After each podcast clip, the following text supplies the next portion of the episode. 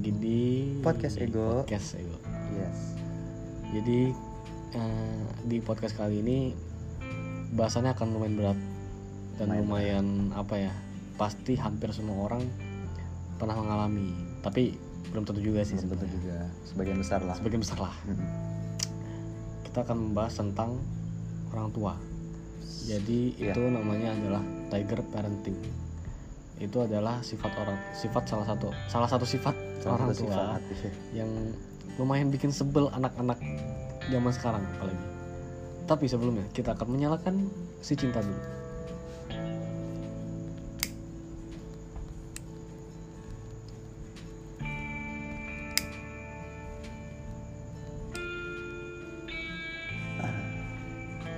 Jadi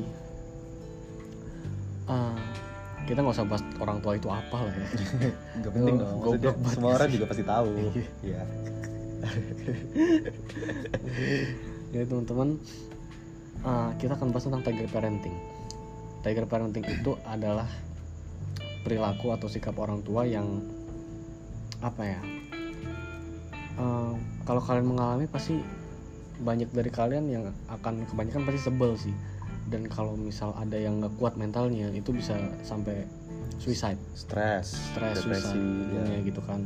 Karena juga banyak apa ya banyak eh, kalau di Amerika gue kan suka dengerin yang di YouTube kayak mereka storyteller gitu loh Mm-mm. jadi kayak eh, ceritain kriminal-kriminal itu lumayan banyak tentang kasus anak ngebunuh orang tua karena tiger parenting ini sendiri.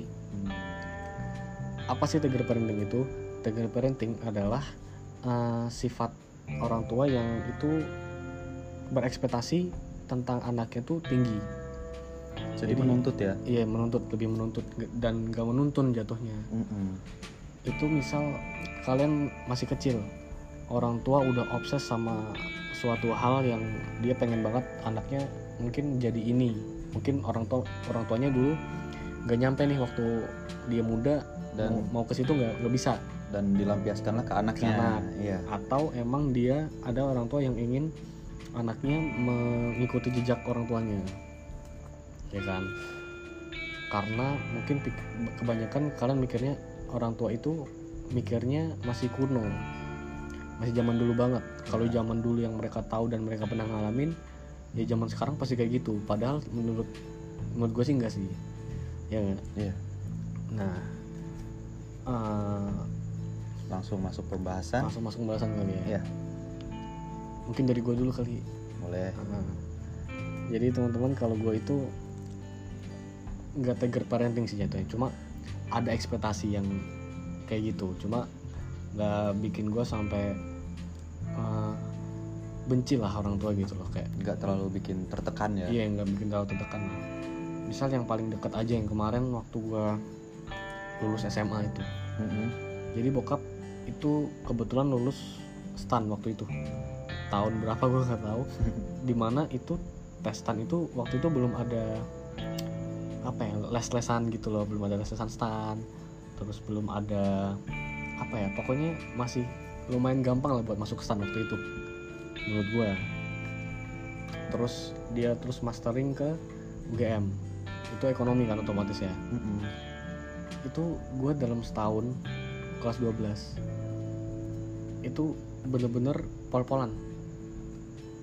Ditekan banget buat bisa masuk stan sampai dilesin stan segala macam Dengan lu ditekan itu apa lu punya keinginan sendiri buat masuk masuk stan atau emang lu harus disuruh ngikutin jejak bokap lu? Gue disuruh Suruh. disuruh karena gue pindah SMA ke Solo pun itu SMA bokap dulu jadi kayak dari SMA pun harus ngikutin seterusnya harus ngikutin gitu Hmm. padahal gue sendiri orangnya sebenarnya lebih suka olahraga kamu gak sih Sama kita berarti ya. iya gak sih Iya. gue dari kecil minta masuk SSB Iya iya. karena pengen jadi main bola Sama. iya kan Iya. nah terus nggak tahu kenapa mereka ngomong apa ya pesepak bola itu nggak ada masa depannya maksudnya. Ih, iya banget. iya nggak sih? Lu- Kayak lu udah kayak gitu nggak sih? Ya dibilang gaji nggak seberapa. iya terus oleh oke mungkin pas muda kalian sana sini duitnya sana sini. Tapi ketika kalian tua kalau di Indonesia itu pesepak bola kalau udah tua nggak akan kepake lagi. Nah itu yang bikin mereka nggak bolehin gue jadi olahragawan khususnya sepak bola. Terus gue gagal masuk stan tahun kemarin. Tahun ini berarti gue masih ada kesempatan sekali lagi. Dan ya we'll see aja lah karena gue udah lumayan nyaman dan sebenarnya udah ada tujuan lain lah selain stan gitu. Hmm, apa tuh kalau boleh tahu? Brawijaya. Oh, Brawijaya. Iya. biar kita bisa ya berheng-heng lagi tapi ya nggak tahu kalau kalau emang jodohnya di UMS ya UMS aja gitu kan. Udah mulai apalah orang tua udah mulai menerima lah. Karena gue sebagai anak waktu tertekan kayak gitu gue tuh tipenya yang nggak suka ditekan. Jadi kayak gue tuh bener-bener kalau ditekan itu tidur pun gak nyenyak jadinya.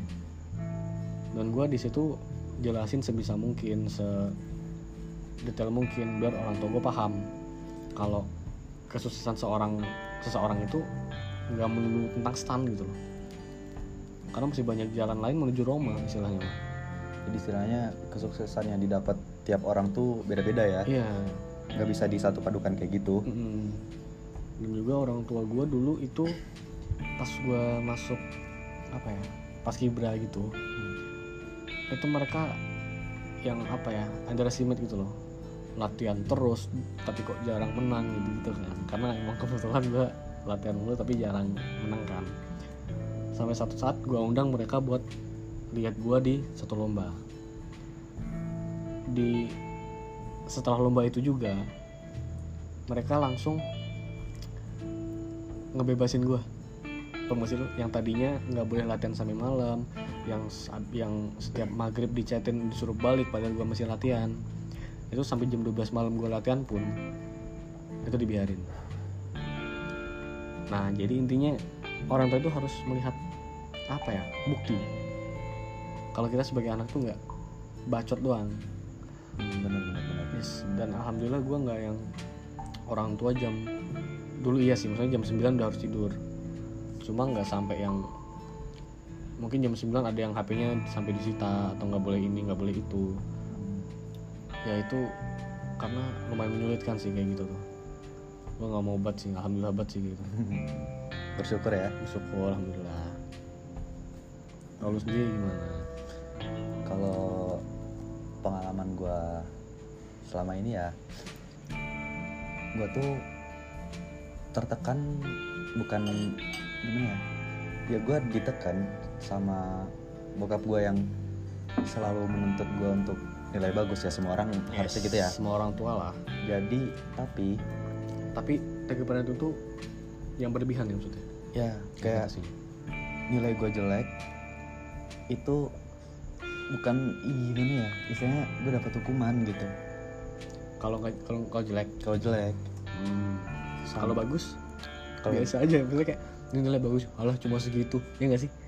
Eh, kalau kalau nyokap bokap gue kayak gitu. Kalau gue nggak nggak sih kayak gue kalau bagus pun di ini diiming-imingin hadiah hmm iya iya sama sih sekali kayak gitu. lebih terpacu lah gitu. Iya, iya. jadi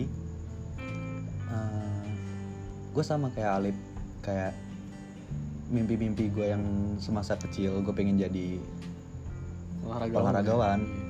gue dulu SD pengen SSB nggak dibolehin SSB ya itu karena sekolah sepak bola ya teman-teman. Ya gue pengen masuk SSB yang nggak dibolehin karena ya itu tadi gaji nggak seberapa masa depan. Apalagi lah ya. pas sepak bola Indonesia lah gitu. Iya. karena kalau di luar mungkin oke. Mungkin oke cuman kalau di Indonesia kalau enggak lah belum gitu kan. belum belum maju lah ya Mm-mm. olahraganya. Gue SD itu nggak dibolehin. Masuk SSB SMP gue mau dimasukin apa eh, bulu tangkis apa sih ini badminton wah gue lupa. Pokoknya itu nggak sih? Jarum itu nggak sih? Ya waktu ja- masih jarum. ya? Ya kayak gitu. Gue juga nggak di nggak disupport gitu. Hmm. dan SMP pun gue sempat diam-diam ikut popda sepak bola. Hmm. dan gue nggak lulus karena nggak di biaya nggak difasilitasi. Jadi gue tuh ikut popda. Sebenarnya kepilih. Ah, gue eh ini gue ikut popda SD kelas 6 hmm. gue SD kelas 6 gue gue dipilih sama teman gue dua orang. Itu gue udah bilang gue ikut popda ke orang tua cuman gak difasilitasi sepatu dan yang lain-lain gitu. Karena hmm, ya itu balik lagi nggak disupport hmm, ke depannya tentang sepak kan bola itu. kan bisa minjem. Nggak ada yang punya teman gue soalnya. Hmm. dan ukurannya nggak ada yang sama kayak gue gitu. Ya, susah sih. Waktu itu ya.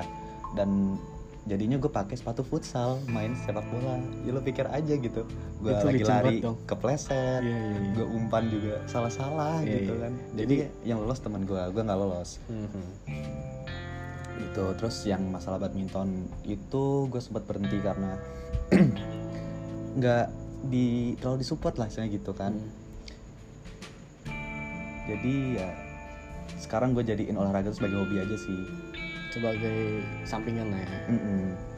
sebagai kegiatan deh sebagai kegiatan. terus eh, kalau masalah bokap gue nih Hmm. gue tuh dididik keras lumayan keras. Karena bokap gue itu bokapnya itu tentara. Hmm, jadi yang kayak ya tau lah tegas lah ya. tegas gitu keras dan kadang nyelkit sih. Mm, Tentara. tapi dengan gue yang sifatnya ingin bebas jadi kan bertolak belakang gitu. Iya, nggak iya. bisa gue sama sama. Dididik bokap kayak gitu dan dari kecil gue emang ada tekanan batin juga. Gue selalu ditekan yang harus ini itu dengan bukan apa yang gue mau bukan gue cintai gitu istilahnya. Hmm. bukan passion lah ya. Bukan passion gue dan jadinya gue selalu ngelawan gue selalu bangkang. Sampai suatu saat di SMA itu gue berani. Gue berani bilang semuanya ke nyokap. Apa yang gue Speak up rasain lah ya gua, apa yang gue rasain apa yang gue alamin Hmm. semuanya. Yang lu gak suka. Heeh. yang lu pengennya gimana? Ya saya gue speak up. Dan akhirnya nyokap pun nyampein itu ke bokap. Hmm. dan udah sejak kejadian itu pun jadi berubah gitu lebih ngertiin gue apa yang gue mau sih gitu. Hmm. jadi gue tuh anaknya kayak gimana? Lebih mulai bisa cari tahu lah ya. Ya jadi kayak istilahnya nyokap tuh jadi penghubung buat gue sama bokap perbaiki hubungan gitu. Soalnya selama ini juga hubungan gue sama bokap ya nggak terlalu dekat bisa gue bilang kayak gitu. Ya gue juga juga gitu sih. Cuma kalau kita pengen apa-apa pasti ke dia. Iya nggak? yang punya duit siapa? Iya, karena mereka tuh ATM berjalan. Dan lu lumayan beruntung sih karena dapat nyokap yang apa ya istilahnya mah tahu perasaan anak kali. ya alhamdulillah banget gue tuh dapet nyokap yang kayak mau dengerin cerita gue Hmm. mau dengerin curhatan gue kayak gimana pun yang selalu support banget gue maunya apa Mau nerima ya kan. menerima masalah dari masalah pribadi gue sampai masalah-masalah yang in general gitu semuanya mau didengerin mau dikasih solusi mau ditemenin lah istilahnya gitu ya gue bersyukur Dan ini banget namanya menuntun kan. Mm-mm, menuntun Dan apa ya? Mungkin ada orang-orang tua yang dua-duanya bener-bener keras tebat ya, gimana. bener keras gitu kayak ini itu nggak boleh. Eh, bahkan jadi gue sempat dengar yang berita itu dia sama orang tuanya itu bener-bener sampai umur 24 tahun itu itu di Amerika ya Hmm, lu bayangin umur 24 tahun pulang dari mana pun entah dia tugas ngerjain tugas entah dia main sama temen itu wajib jam 9 malam. Di mana di Amerika itu umur 17 tahun kebanyakan udah udah pisah sama orang tua nggak sih tinggal? Udah free. Udah free. Ya udah bebas lah menentukan jalan mereka masing-masing kan. Mm-mm. itu akhirnya dia ngebunuh orang tuanya. Serem juga sih. Iya jadi kayak dia bener-bener mungkin apa ya orang-orang kan jenisnya beda-beda kan. Mm-mm. tapi kalau di Tiger Parenting ini ada beberapa jenis anak sih. Maksudnya kayak ada yang ah daripada gua kayak gini nggak bisa hidup bebas mending gua end aja gitu. Akhirnya dia ngapa-ngapain lah gitu menyakiti diri sendiri atau sampai eh, apa ya hilang dari bumi lah istilahnya ya. Ada yang daripada gua nggak free mending gua tiadakan aja orang-orang yang mengikat gua ini gitu Mm-mm. ada yang mereka akan usaha menjelaskan terus memberi bukti lah istilahnya dengan dengan itu orang tua semoga ada yang paham sih semoga semua paham gitu Mm-mm. dan apa lo ngomong apa nih jadi balik lagi tadi ke cerita gue hmm. kayak gue kan bener-bener sampai pernah di fase gue bener-bener nggak betah banget di rumah gitu loh. Hmm. gue bener-bener nggak betah dan gue tiap hari pasti keluar. Karena apa ya rumah itu kan sebagai perhangat kita ketika kita sampai rumah gak sih? Iya. Kayak halo udah sampai rumah nih gitu nggak sih? Harusnya iya. kayak gitu gak sih? Iya. Tapi ini malah kadang kayak cuek-cuek aja. Tapi kita dituntut untuk di rumah terus. Padahal di rumah pun nggak ada nggak ada bahasan yang lebih sama orang tua. Kadang kayak gitu banyak kan. Mm-mm. Ya itu sih perlu omongan aja sama orang tua kan balik lagi dan dampak yang gue alami hmm. karena gue ngalamin hal-hal yang yang tidak mengenakan itu ya. gue jadi jatuhnya mencari pelampiasan di dunia luar gitu loh Iya, iya. gue jadi anak yang istilahnya nggak taat aturan Hmm, terus gue nakal. Bodo amat. Gue bodo amatan gue cuek banget gue nggak peduli sekitar kayak gitu. Iya. itu ke mental kan jat- jatuhnya? Ya jadi istilahnya terbentuk dengan sendirinya Hmm. kayak gitu. Eh, ini memotivasi kita untuk apa ya? Untuk kalau jadi orang tua tuh kita tahu kita harus gimana anak. Iya. Kalau lu sendiri misal lu udah punya anak apa yang bakal lu omongin sama istri lu dan apa sih eh, yang akan lu lakukan gitu untuk anak anakku sendiri?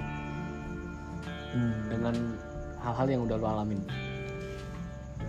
Gue tuh punya impian kalau misalnya pun gue punya anak besok itu mau gue jadiin temen mau ja- mau gue jadiin ini loh gue tuh tempat cerita lu Hmm. gitu loh. Kalau ada Hmm. masalah lu cerita aja.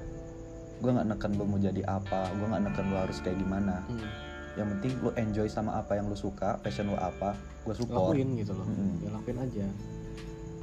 Apa ya? Karena karena gue udah ngerasain gak enaknya di gitu Iya, dan gue menyadari kalau orang tua itu adalah apa ya emang penting untuk hidup. Hmm. cuma kalau yang udah kayak gini kayak gini nih kayaknya nggak baik juga untuk hidup gitu kan.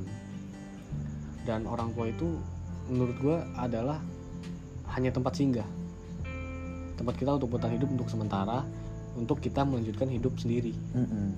jadi sebenarnya kalau masalah kayak gini kayak gini kayak dipaksa ini ini itu dilarang ini ini itu bisa bisalah kayak kalian tuh apa ya obrolin. Karena gimana pun juga yang bakal menjalani hidup itu diri kita ya. bukan orang tua. Bisa diomongin baik-baik lu tuh sebenarnya maunya apa? Mm-mm. terus lu bisa ungkapin apa yang lu rasakan Mm-mm. gitu. Orang tua tuh fasil- fasilitator lah ya Iya. untuk anak ya. Dan apa ya gue pengen anak gue tuh ntar juga jadi anak yang jujur sih. Jadi kayak misal mungkin ntar bini gue nggak suka kalau anak gue ngerokok ya misal. Ya kalau anak gue cowok diem-diem juga ntar gue ajak diem-diem juga dari bini dari dari dari nyokapnya. Jadi ya udah nggak apa-apa gitu yang penting dia nyoba dulu dia suka nggak suka urusan belakang daripada dia apa ya penasaran sama hal-hal yang dia apa ya pengen tahu dan belum pernah coba dan itu dilakuin sama teman-temannya misal apa ya misal minuman Mm-mm. minum alkohol nih lu penasaran gak sih pertama rasanya gimana penasaran kan penasaran gua. nah gue terinspirasi dari ceritanya Deddy Kobuzer Mm-mm. itu dia anaknya nanya gini apa sih rasanya minum alkohol? Itu anaknya umur berapa ya? Gue nggak tahu. Kayaknya masih SD SD mau ke SMP gitu gak sih? Si Aska itu itu sama Dedi malah dicekokin nih cobain.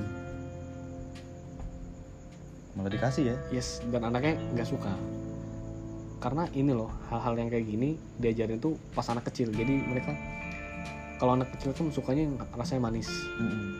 alkohol kan rasanya ya fakta banget gak sih kalau anak buatan kecil kan iya dia nggak suka pas gede dia nggak akan nyoba itu lagi karena dia tahu rasanya dia nggak suka Iya itulah pentingnya edukasi Yes. sejak sejak dini gitu yes ya walaupun itu hal-hal yang tabu seperti seks Mm-mm. itu itu menurut gue harus dibahas Iya. dari kecil biar lu tahu ini tentang seputar ilmunya gitu loh Iya.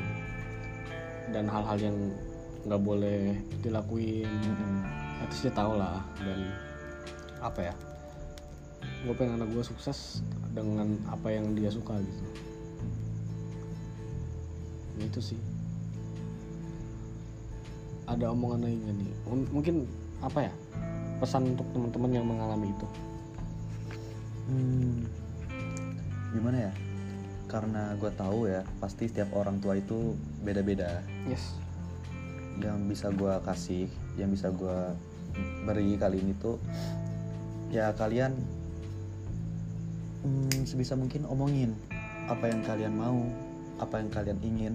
Itu diomongin secara baik-baik aja. Dengan gimana ya? Tapi itu hal yang kalian ingin juga ya make sense aja gitu yang yang benar-benar masuk akal dong. Contoh yang gak make sense apa tuh? Ya apa ya? Misalnya lu mau masih kecil udah udah mintanya bla bla bla bla gitu. yang udah bukan bukan sewajarnya lah gitu. Iya, iya. gue juga nggak tahu apa gue juga bingung ngasih contoh. Mm-mm. cuman ya tahu batas wajar aja gitu. Ya dan gimana pun orang tua itu orang tua ya. Eh, kalian juga jangan jangan kalau bisa jangan stres lah ya jangan yang berpusing terus jangan sampai lah kepikiran buat benci sama orang tua itu sendiri karena kalau kalau mereka nggak ada dan gak dan mereka nggak bersatu kalian tuh nggak ada gitu loh. Hmm, jadi kalau yang orang tuanya masih lengkap mungkin bisa bersyukur. bisa bersyukur banget sih. Karena banyak di luar sana yang ya mungkin keluarganya nggak uh, utuh seperti kalian nggak harmonis Iya. gitu. Mungkin ada yang broken juga mungkin. Mm-mm. Ya apa ya jangan sampai itulah. Jangan sampai melukai diri sendiri lah karena lu bayangin aja hidup lu udah berat. Ditambah lu melukai diri sendiri. Itu kayak percuma aja hidup gitu loh ya mending kalian lakukan dengan hal baik lah gitu. At least kalian pernah mengalami hal yang gak enak itu kalian tanam kalian apa ya kalian jadikan pelajaran agar tidak dilakukan lagi biar eh, keturunan kita tuh nggak ngerasain hal yang sama. Betul. Terus apa lagi ya? Ngomong-ngomong apa tadi gue lupa? Apa tuh? Ah, ah, ah, ah, ya nggak tau udah pokoknya sayangin orang tua lah intinya mah. Ya sih kayak ya ya ya udah gitu loh kayak. Orang tuh tuh penting sih. Dan- karena mau bagaimanapun juga mereka yang udah besarin dari kecil yes. udah misalnya apa ya mencoba eh, yang terbaik buat membahagiakan lu gitu jadi janganlah kalian eh, patah eh, bikin gimana ya Bikin kecewa. luka hatinya Bikin luka. gitu bikin kecewa karena gue juga punya teman-teman yang apa ya mereka tuh di luar kalau lagi dalam circle temennya mereka nakal banget Mm-mm. Eh, tapi di beberapa anak itu yang apa ya istilahnya gentle lah ya. Itu ketika di rumah itu nurut banget sama orang tuanya. Misal mereka dia mau izin mau pergi sama teman-temannya. Itu sama nyokapnya pasti disuruh misal ngepel dulu nyapu dulu diturutin cowok loh teman-teman gue itu. Hmm. dan ya itu gue salut sama orang gitu sih. Jadi kayak ya sayangilah orang tua gitu loh. Ada juga yang sampai kuliahnya itu uh, di kota itu aja demi menjaga orang tua satu-satunya Iya tuh, gue juga punya banyak kenalan yang kayak gitu sih. Iya Dan gue juga udah nyoba, ayolah coba dunia luar, beda kota gitu kan. Kalian Hmm. rasain hidupnya sendiri gimana. Gak mau mereka Bukan nggak mau, nggak bisa, karena Iya. tuntutan orang tua. Mm-mm. ya kalau kalau tuntutan orang apa tuntutan orang tua itu masih masuk akal diturutin aja mungkin kayak jangan keseringan keluar gitu jangan keseringan nongkrong ya turutin aja. Karena maksud mereka pun sebenarnya baik. baik. Apa ya beda nasihat sama eh, tuntutan dan tekanan. Kalau nasihat tuh kayak misal udahlah kamu jangan temenan sama dia. Kayaknya eh, bunda lihat eh, orangnya kurang gitu. Itu kadang omongan nyokap sih yang lebih kebanyakan bener ya gak sih? Mm-mm. Maksudnya udah jangan jangan sama cewek yang ini jangan sama cewek yang itu gitu. Mm-mm. itu kebanyakan benar jadi kayak ya nasihat tuh kadang harus terima sih.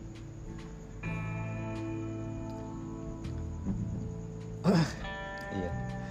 Ya, mungkin itu aja dari kita. Semoga kalian bisa relate yang mengalami ya. Ya bisa ada dan yang dapat insight-insight baru lah. Kalian tuh nggak sendiri gitu. Kalian nggak sendiri. Sedangkan kita yang podcast kayak gini aja itu mengalami. Dan kita sudah keluar dari zona itu karena kita komunikasi. Ya kita tuh udah mencoba berkomunikasi. Dan ya jadinya kita yang sekarang yes. Juga udah dapat istilahnya apa yang gue mau apa yang gue Hmm. ingin. Gue mau gimana mau jadi apa gitu. Udah gue ungkapin semua dan alhamdulillah dukung udah ngerti lah istilahnya gitu. Dan semoga kita juga doain orang tua kalian di rumah sehat-sehat ya. Mm-mm, pastinya. Eh, dan jangan keluar rumah lagi kita ingetin nih. Karena kalau kalian keluar rumah mungkin kalian bisa nggak sakit. Yap. tapi orang rumah yang mungkin bisa terkena. Karena kalau kalian anak IPA kalian tahu yang namanya itu apa namanya? Kalau yang cuma bawa doang itu. Nah, gue lupa Apa jadi tuh? intinya dia cuma bawa virusnya doang tapi dia nggak kena misal lagi yang ngetren ini kan corona kan mm-mm. lu keluar rumah nih nongkrong nggak peduli gitu kan di dalam tubuh lu ada virusnya tapi lu nggak nggak ngalamin, ngalamin gejala dan bahkan nggak sakit tapi lu bisa menularkan virus itu ke orang-orang rumah iya iya iya iya iya. dan karena sendiri tahu teman-teman kalau virus-virus ini lebih menyerangnya ke orang tua Mm-mm. dan lebih banyak korban-korban berjatuhan itu ya orang tua juga ya jadi sayangilah uh, keluarga kalian Yap. Stay safe aja semuanya. Jangan gimana ya? Jangan aneh-aneh lah gitu istilahnya. jangan apa neko-neko lah Mm-mm.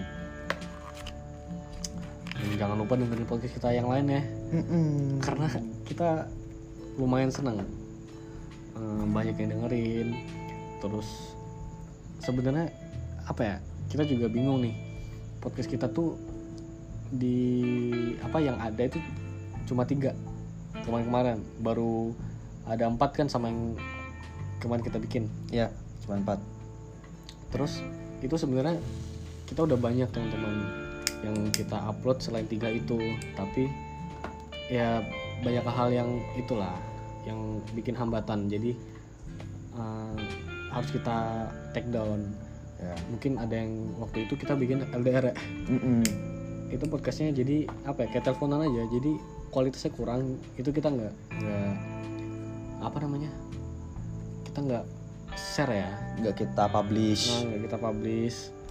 Terus ada yang mungkin agak-agak panas gitu ya. Jadi nggak kita publish juga kita take down bahkan. Mm-mm. Dan semoga teman-teman ini menyadari kalau kita bertiga atau berapapun kalian dengerin itu sedang dalam tongkrongan Mm-mm. jadi Jadi jangan enjoy aja Iya, sebenarnya tiba iya. enjoy.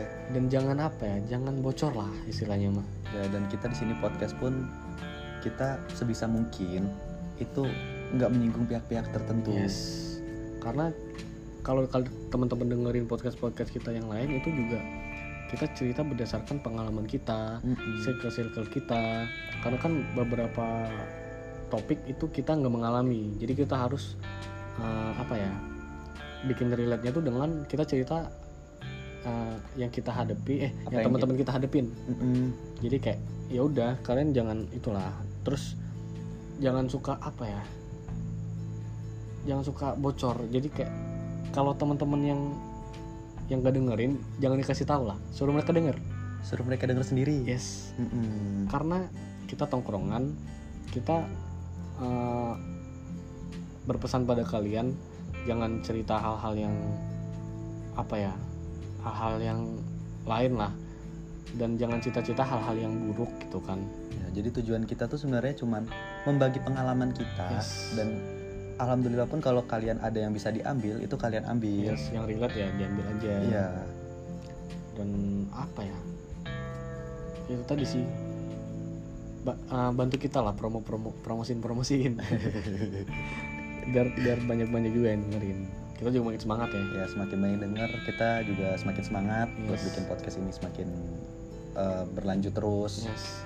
Karena jujur aja ini awalnya gabut ya. Ya tapi kok jadi candu kalau juga eh, ada nih teman-teman yang mau request kita mau boleh bahas boleh banget apa boleh banget. bisa istilahnya di, di ngechat atau Hmm. bisa kasih pesan-pesan mungkin apa yang Ya, harus ya. dibahas. Atau kritik saran mungkin boleh. Mm-mm, boleh kritik juga. Mungkin apa ya mungkin rokoknya mungkin kekencengan bunyi koreknya.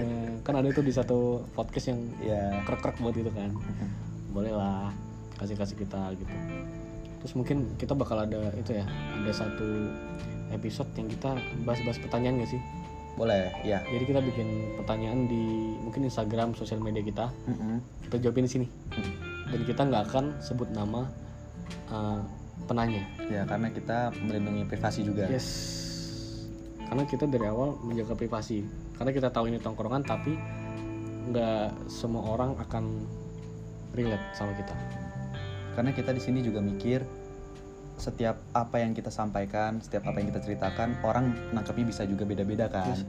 jadi ya kita sebisa mungkin kita filter kita pilih dulu apa yang bisa apa yang sebaiknya kita sampaikan apa yang sebaiknya enggak. Jadi kita sebisa mungkin mencoba yang terbaik lah.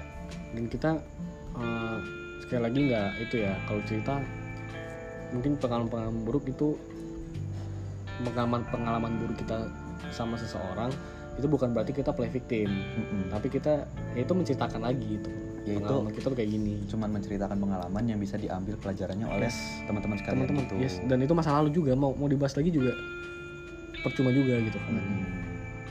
ya semoga kalian paham aja lah ya, apa yang kita omongin karena kita orang yang bacot juga. Ya jadi segitu aja ya. Ya segitu aja ya. Makasih buat yang denger. Yes. Bye bye ya bye bye